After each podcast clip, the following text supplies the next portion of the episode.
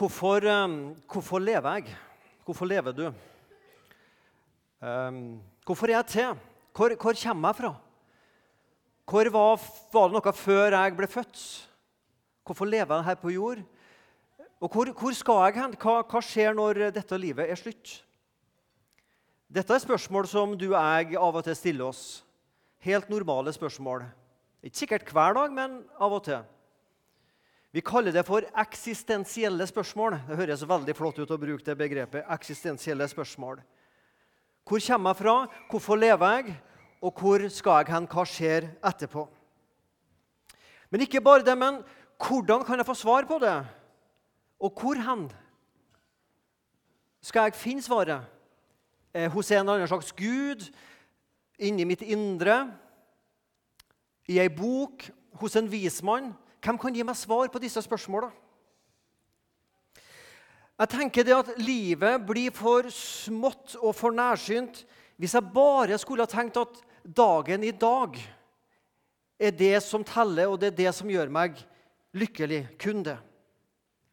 Vi mennesker vi har behov for å søke forståelse bak i tid. Hvor kommer jeg fra? Hva slags slekt og sammenheng står jeg i? Og vi har et behov for å se litt fram i tid også. Fins det noe håp for framtida? Det handler om et videre syn enn bare dagen i dag. Når, når livet kun handler om her og nå Vi har en morsom figur eh, som gikk på TV-en for en del år siden som heter Fleksnes. Og alle som er over 45 år, vet iallfall hvem det der er. Eh, han, han, skulle sette seg ned en dag, og han var en veldig asosial type. Hadde ikke så veldig mange venner. Så han begynte å trekke på åra, så han regna med at om en del år kanskje så døde han. Og hvem ville skrive nekrolog for han i Aftenposten? var liksom det som var det store. Så han tenkte jeg får sette meg ned og skrive en nekrolog over mitt eget liv. Og Den ble veldig kort, og den ble følgende. Han kom og ble svett, og det var det. Ja. Det var altså Fleksnes når han skulle oppsummere livet sitt. Det var her og nå. Han kom, han jobba og var et dugende menneske i, verden. Ble svett, og det var det. Det var ikke noe mer. Bibelen har en mye videre horisont. Fra før skapelsen til livet nå og til inn i evigheten. Jeg tror at Bibelen er den beste oppskrifta på et meningsfylt liv her og nå men også fasiten på, på hva som møter meg etter jeg har slutta å puste og øynene er lukka igjen. Denne våren i Misjonssalen så har vi fordypa oss i Gammeltestamentet. Fra januar og til ut juni så skal hver søndag handle om Det gamle testamentet. Det er jo litt spesielt i dag da, når det er Jesu oppstandelse. Men vi skal altså se litt på dette med oppstandelse i Gammeltestamentet. Men vi skal nok innom Jesus, så slapp av. Vi skal nok innom han. Hva forteller og hva sier Gammeltestamentet om oppstandelse? Et kort svar er lite, men ikke ingenting. er du med? Gammeltestamentet sier ikke så mye om oppstandelser, men den sier ikke ingenting. Den sier noe. Bibelen er en åpenbaringsbok. Og Åpenbaring er på en måte som en soloppgang. Og Det har du sikkert opplevd. Du står en plass, og så begynner sola så vidt å komme opp over horisonten. Men du ser ikke klart. Og så er det bare noen konturer borti der av et eller annet slags hus. eller noe. Men jo lenger sola kommer opp, og til å komme opp skikkelig, så ser man hva det handler om, og hva det er for noe. Sånn er det med også Den gamle testamentet når det gjelder oppstandelser. Det er ikke alt som er klart, det er ikke alt som er åpenbart i Gammeltestamentet når det gjelder oppstandelser. Fra en tro på en skyggetilværelse i dødsriket, en søvn, og til mot slutten av Gammeltestamentet en tro på at det skal være en oppstandelse, ikke bare for jøder, men for alle folk, og vi skal leve evig. Det er ikke Bibelens forfattere som fant på at at etter hvert som tida gikk, så må vi finne på mer og mer om oppstandelser. Men Gud doserte ut mer og mer etter hvert. Helt fram til Jesus kommer, og Jesus står opp, og Paulus og Peter og de andre skriver om oppstandelse og forklarer det for oss hva det betyr. Da har sola gått skikkelig opp, og vi ser alt. Vi skal i dag lese noen enkeltbibelvers fra Det gamle testamentet som sier litt om oppstandelser. På en måte Kikke inn i noen nøkkelhull og se om vi skimter noe bak der. Men frikjent skal jeg få se ditt ansikt. Når jeg våkner, skal jeg mettes ved synet av deg. Salme 17, 15. Du overgir ikke min sjel til dødsriket. Du lar ikke din trofaste tjener se graven. Salme 16, 10. Her er det hos salmens forfatter en tanke om at vi skal våkne av en søvn, og jeg skal se Gud og jeg skal kjenne meg tilfreds. Det venter meg noe godt etter døden. Jeg skal møte min skaper. Jeg skal våkne en dag, og min sjel skal ikke bli i dødsriket. Det som er interessant med Salme 16, det er at Peter på pinsedag bruker Salme 16 når Peter overfor jødene skal forklare om Jesus. Når Peter skal forklare Jesu oppstandelse, så bruker han bl.a. Salme 16. Og så sier Peter på pinsedag at David, som skrev denne salmen, så inn i fremtiden og talte om at Messias skulle stå opp og ikke bli værende i dødsriket. Så dette er en begrunnelse for at Jesus står opp. Salme 16. Vi må lese Salme 16 i lys av Jesus Kristus. Og Det er noe med poenget med Gammeltestamentet. Det er at vi, vi, er jo heldige som lever i ettertid, for vi har Nytestamentet som tolker Det gamle testamentet for oss. Hvis du har fått sjansen, Noen som har hørt meg før, misjonssalen vet hva jeg vil si nå, men hvis du har fått sjansen og valgt et tidspunkt i Jesus sitt liv du ville ha vært, hvor ville du ha vært den da? Sannsynligvis ved korset eller ved grava. Ja, der ville jeg gjerne vært. Men faktisk, den plassen jeg ville ha vært hvis jeg fått sjansen å reise tilbake i tid, det er å gå sammen med Emmausvandrerne og hørt når Jesus hadde bibeltime for Det gamle testamentet om seg sjøl. For det er det Jesus har for Emmausvandrerne. Han, om det var én time, to eller tre timer, det vet ikke jeg så mye om, men en skikkelig bibeltime der Jesus går gjennom fra Mosebøkene og, og profetene og salmene og visdomslitteraturen og forklare at her er det skrevet om meg. Tenk å ha et opptaksbånd og gå der og fått med seg den samtalen. Det har vært noe av det. He? Så sa Jesus til dem, det var dette jeg talte om da jeg ennå var sammen med dere, og sa at alt måtte oppfylles som så skrevet om meg i Moseloven, hos profetene og salmene. Salmene det betyr her visdomslitteraturen. Da åpnet han deres forstand, så de kunne forstå Skriftene, altså Gammeltestamentet, og han sa til dem, slik står det skrevet, Messias skal lide, stå opp fra de døde tredje dag. Det står i Gammeltestamentet. Men hvis du og jeg begynner å lete uten videre, så sliter vi nok litt med å finne det. Men Jesus på en måte åpenbart Skrifta for dem, sånn at de så at til og med i Gammeltestamentet så står det om Jesu oppstandelse. Ikke lett å få øye på, men salig den som leter, for han og hun skal finne. Men et av de skriftstedene, tre vers, som sier noe om en oppstandelse, er skrevet av profeten Daniel. Og Daniel skriver sånn.: Men på den trengselstiden skal alle de av ditt folk bli frelst, som finnes oppskrevet i boken. Gud har en bok i himmelen der han skriver ned. Og de mange som sover i jordens muld, altså er døde, skal våkne opp, noen til evig liv, noen til skam og evig avsky. Da skal de forstandige skinne som himmelhvelvingen skinner, og de som har ført mange til rettferdighet, skal skinne som stjernene evig og alltid. Fra en litt diffus tro tidlig kanskje i Gammeltestamentet om noe dødsrike og noe søvn, til Daniel her på en måte sier at det skal komme en oppstandelse, ikke bare for jøder, men for alle folk. Jo, ikke bare skal det være en oppstandelse, men det skal være en dobbel oppstandelse. Noen til evig liv hos Gud, og noen til evig avsky, altså fortapelse. Så tanken på himmel og fortapelse vil vi også finne i Gammeltestamentet. Noen skal skinne som stjernene, men noen til skam og evig avsky. Nå kunne vi lest mange flere. Jeg skal ikke, jeg skal ikke ta så mange flere bibelvers nå fra Gammeltestamentet. Men det fins noen få sitater i GT om oppstandelser fra de døde. Men oppstandelsestroa i Gammeltestamentet ligger først og fremst i Bibelens gudsbegrep, at Gud er den levende. Gud dør ikke. Gud er den levende.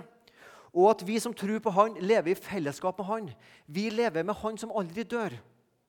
Og Derfor skal vi være med Han, og derfor skal vi oppstå.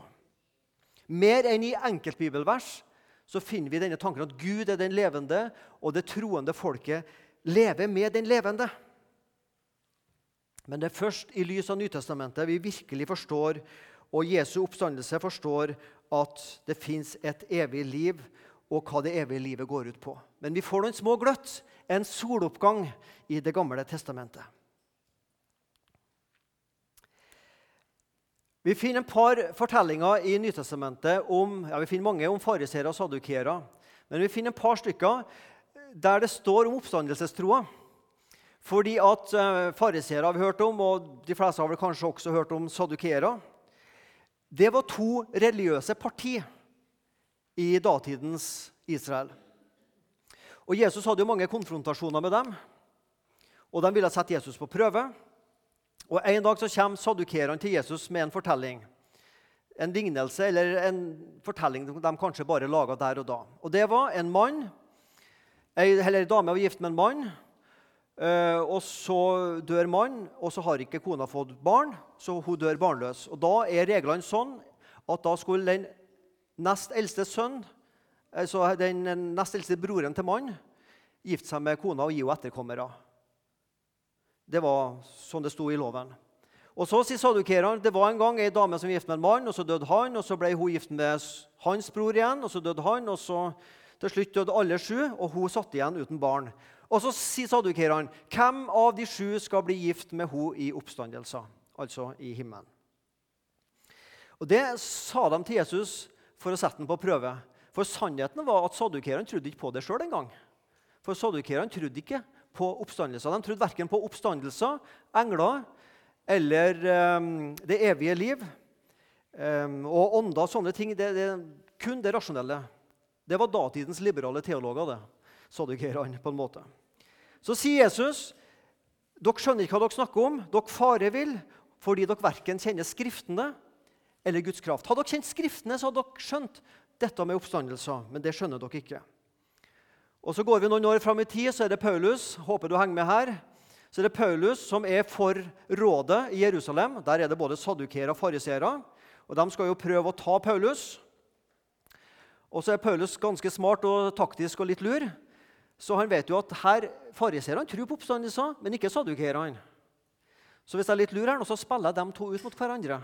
Og det gjør Paulus. Så sier han at det er pga. håpet om oppstandelsen jeg er her i dag og er anklaga. Og Med en gang han sa det, så ble det uenighet mellom fariseerne og sadukeerne. Så begynte de å, liksom, å krangle med hverandre istedenfor å ta Paulus, som de egentlig var samla for. Ja, taktiker, vet du. Litt luring. Det er pga. håpet om de dødes oppstandelse jeg står her. For det trodde fariseerne på, men ikke sadukerene. Men den jødiske oppstandelsestroen var veldig det vi kaller materialistisk. Jeg står opp med kroppen min akkurat som den er, bare litt oppgradert. Litt mindre skrøpeligheter her og der. En oppgradert versjon av meg sjøl. Det er jo noen av oss som syns det kunne vært kjekt. Eh, og så spiser vi vanlig mat i oppstandelser, og så gifter man seg. Men så sier Jesus nei, det er ingen giftermål i himmelen. Der blir vi som engler. Det står ikke at vi blir engler. Det står ingen plass i Bibelen at vi blir engler. Mange som trodde at når jeg kommer til himmelen, så blir jeg en engel. Nei, det blir du ikke. Vi blir et menneske, et frelst menneske, men vi blir som engler som ikke gifter seg. Så sjøl i Jesus samtid, eller nettopp i Jesus samtid, blant fariseere og sadukere, så ser vi at oppstandelsestroa var levende. Ikke hos alle, men iallfall hos fariseerne. Så der skal iallfall fariseerne ha det. Der fikk de tommelen opp fra Jesus. Det, der var de liksom innafor. De tok mye feil ellers, men der var det bra. Oppstandelsestroa, har det noe å lære oss, denne oppstandelsestroa i Gamle Testamentet? Hva kan du og jeg lære av det i dag? Hvorfor lever jeg? For jøden var livet her og nå det viktigste. Det var livet med Herren her og nå, og følge buda, stole på pakten Gud gjorde med Abraham og Isak og Jakob. Lev i lydighet mot Guds vilje, Vær en god samfunnsborger, elske Gud og elske min neste. Det er det som var hans mål i livet. Jeg har lest det I læreplanen til faget RLE så står det at et av formålene er å gjøre barn og ungdom i stand til å bli et dugende menneske i samfunnet. Jeg synes Det er et godt uttrykk. Å bli et dugende menneske. Og Det var jøden sitt mål. Å være et dugende menneske, elske Gud og elske min neste. Livet her og nå. Og Det skal merkes i din og min hverdag at vi har med Gud og Jesus å gjøre.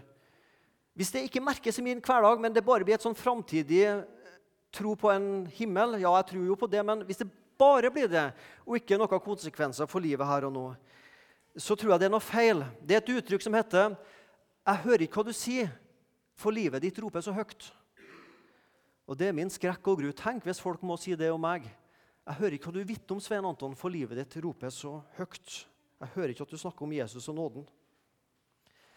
Oppstandelseskraften i hverdagen det skal merkes for oss som tror på Jesus, at han er i ikke bare i hodet og hjertet, selv om det ikke bare er bare det. Men det skal være i armer, det skal være i bein, det skal være i øynene mine, det skal være i holdningene mine, det skal være i munnen min. Det skal merkes på hele kroppen min og livet mitt at det har med Jesus og Gud å gjøre. Hvorfor lever jeg? Jo, for å elske Gud og min neste. Men livet er mer enn her og nå. En visshet om at en dag så skal vi leve for Guds ansikt og møte Han. Og to favorittbibelvers i Gammeltestamentet. Jobb 19, 25-26 og Salme 73, 23-24. Fantastiske vers som ofte er brukt på vitnemøter. Men jeg vet at min gjenløser lever, og som den siste skal han stå fram på støvet. Og etter at denne min hud er blitt ødelagt, så skal jeg skue Gud. Men jeg blir alltid hos deg, Gud. Du har grepet min høyre hånd, du leder meg ved ditt råd, og siden, eller deretter, tar du meg opp i herlighet. og Det er så gode vers.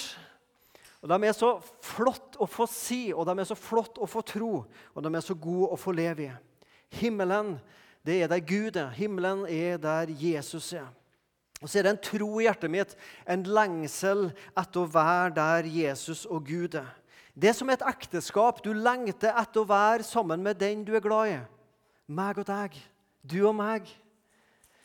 Det sier vi gjerne til hverandre, ektefellene. Meg og deg. Du og meg. Men så er det så flott at det er Gud sjøl som sier det til oss. Det er deg og meg, sier Gud.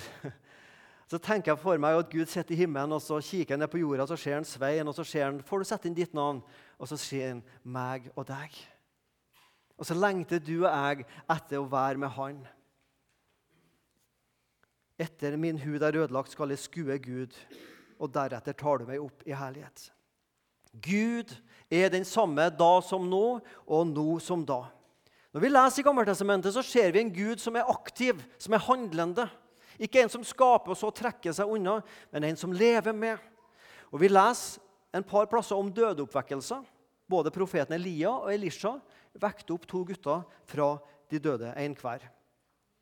Og I Nytestamentet leser jo også om dødeoppvekkelser. Og Det skal fortelle oss at Gud har kraft og Gud har makt. Til sånn han gjorde det i gammeltestamentlig tid, i nytestamentlig tid, sånn skal han gjøre det en dag med deg og meg og reise oss opp fra grava med et nytt, herliggjort legeme. Gud er sterkere enn døden. Døden har ikke det siste ordet, folkens.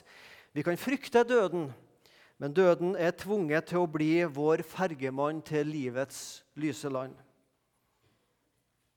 Han fører deg frelst over fjorden, helt fram til den himmelske strand. Når døden sin brottsjø du møter, vil Jesus dra båten i land. Denne fantastiske salmen av Trygve Bjerkerem. Han tar ikke glansen livet. Jeg har sittet ved ei sjukeseng, ei dødsseng, og sagt det til en som sto meg nær. For jeg visste nå var det den personen sin tur til snart å flytte. Han fører deg frelst over fjorden, helt fram til den himmelske strand. Når døden sin brottsjø du møter, vil Jesus dra båten i land. Og det gjorde Jesus for den jeg snakka med. Hva skjer etterpå? Hvor skal jeg? Som jeg sa, har Bibelen en gradvis åpenbaring. Vi ser ikke oppstandelsestroa i sin fulle bredde i Det gamle testamentet, men vi ser det ved Jesus. Og Jeg har lyst til å avslutte, nettopp fordi jeg har dåp i dag, med et av de bibelversene jeg las under dåpshandlinga. Det står ikke i Gamle testamentet, men det står hos, i Nytestamentet. 1. Peter 1,3 kommer snart opp.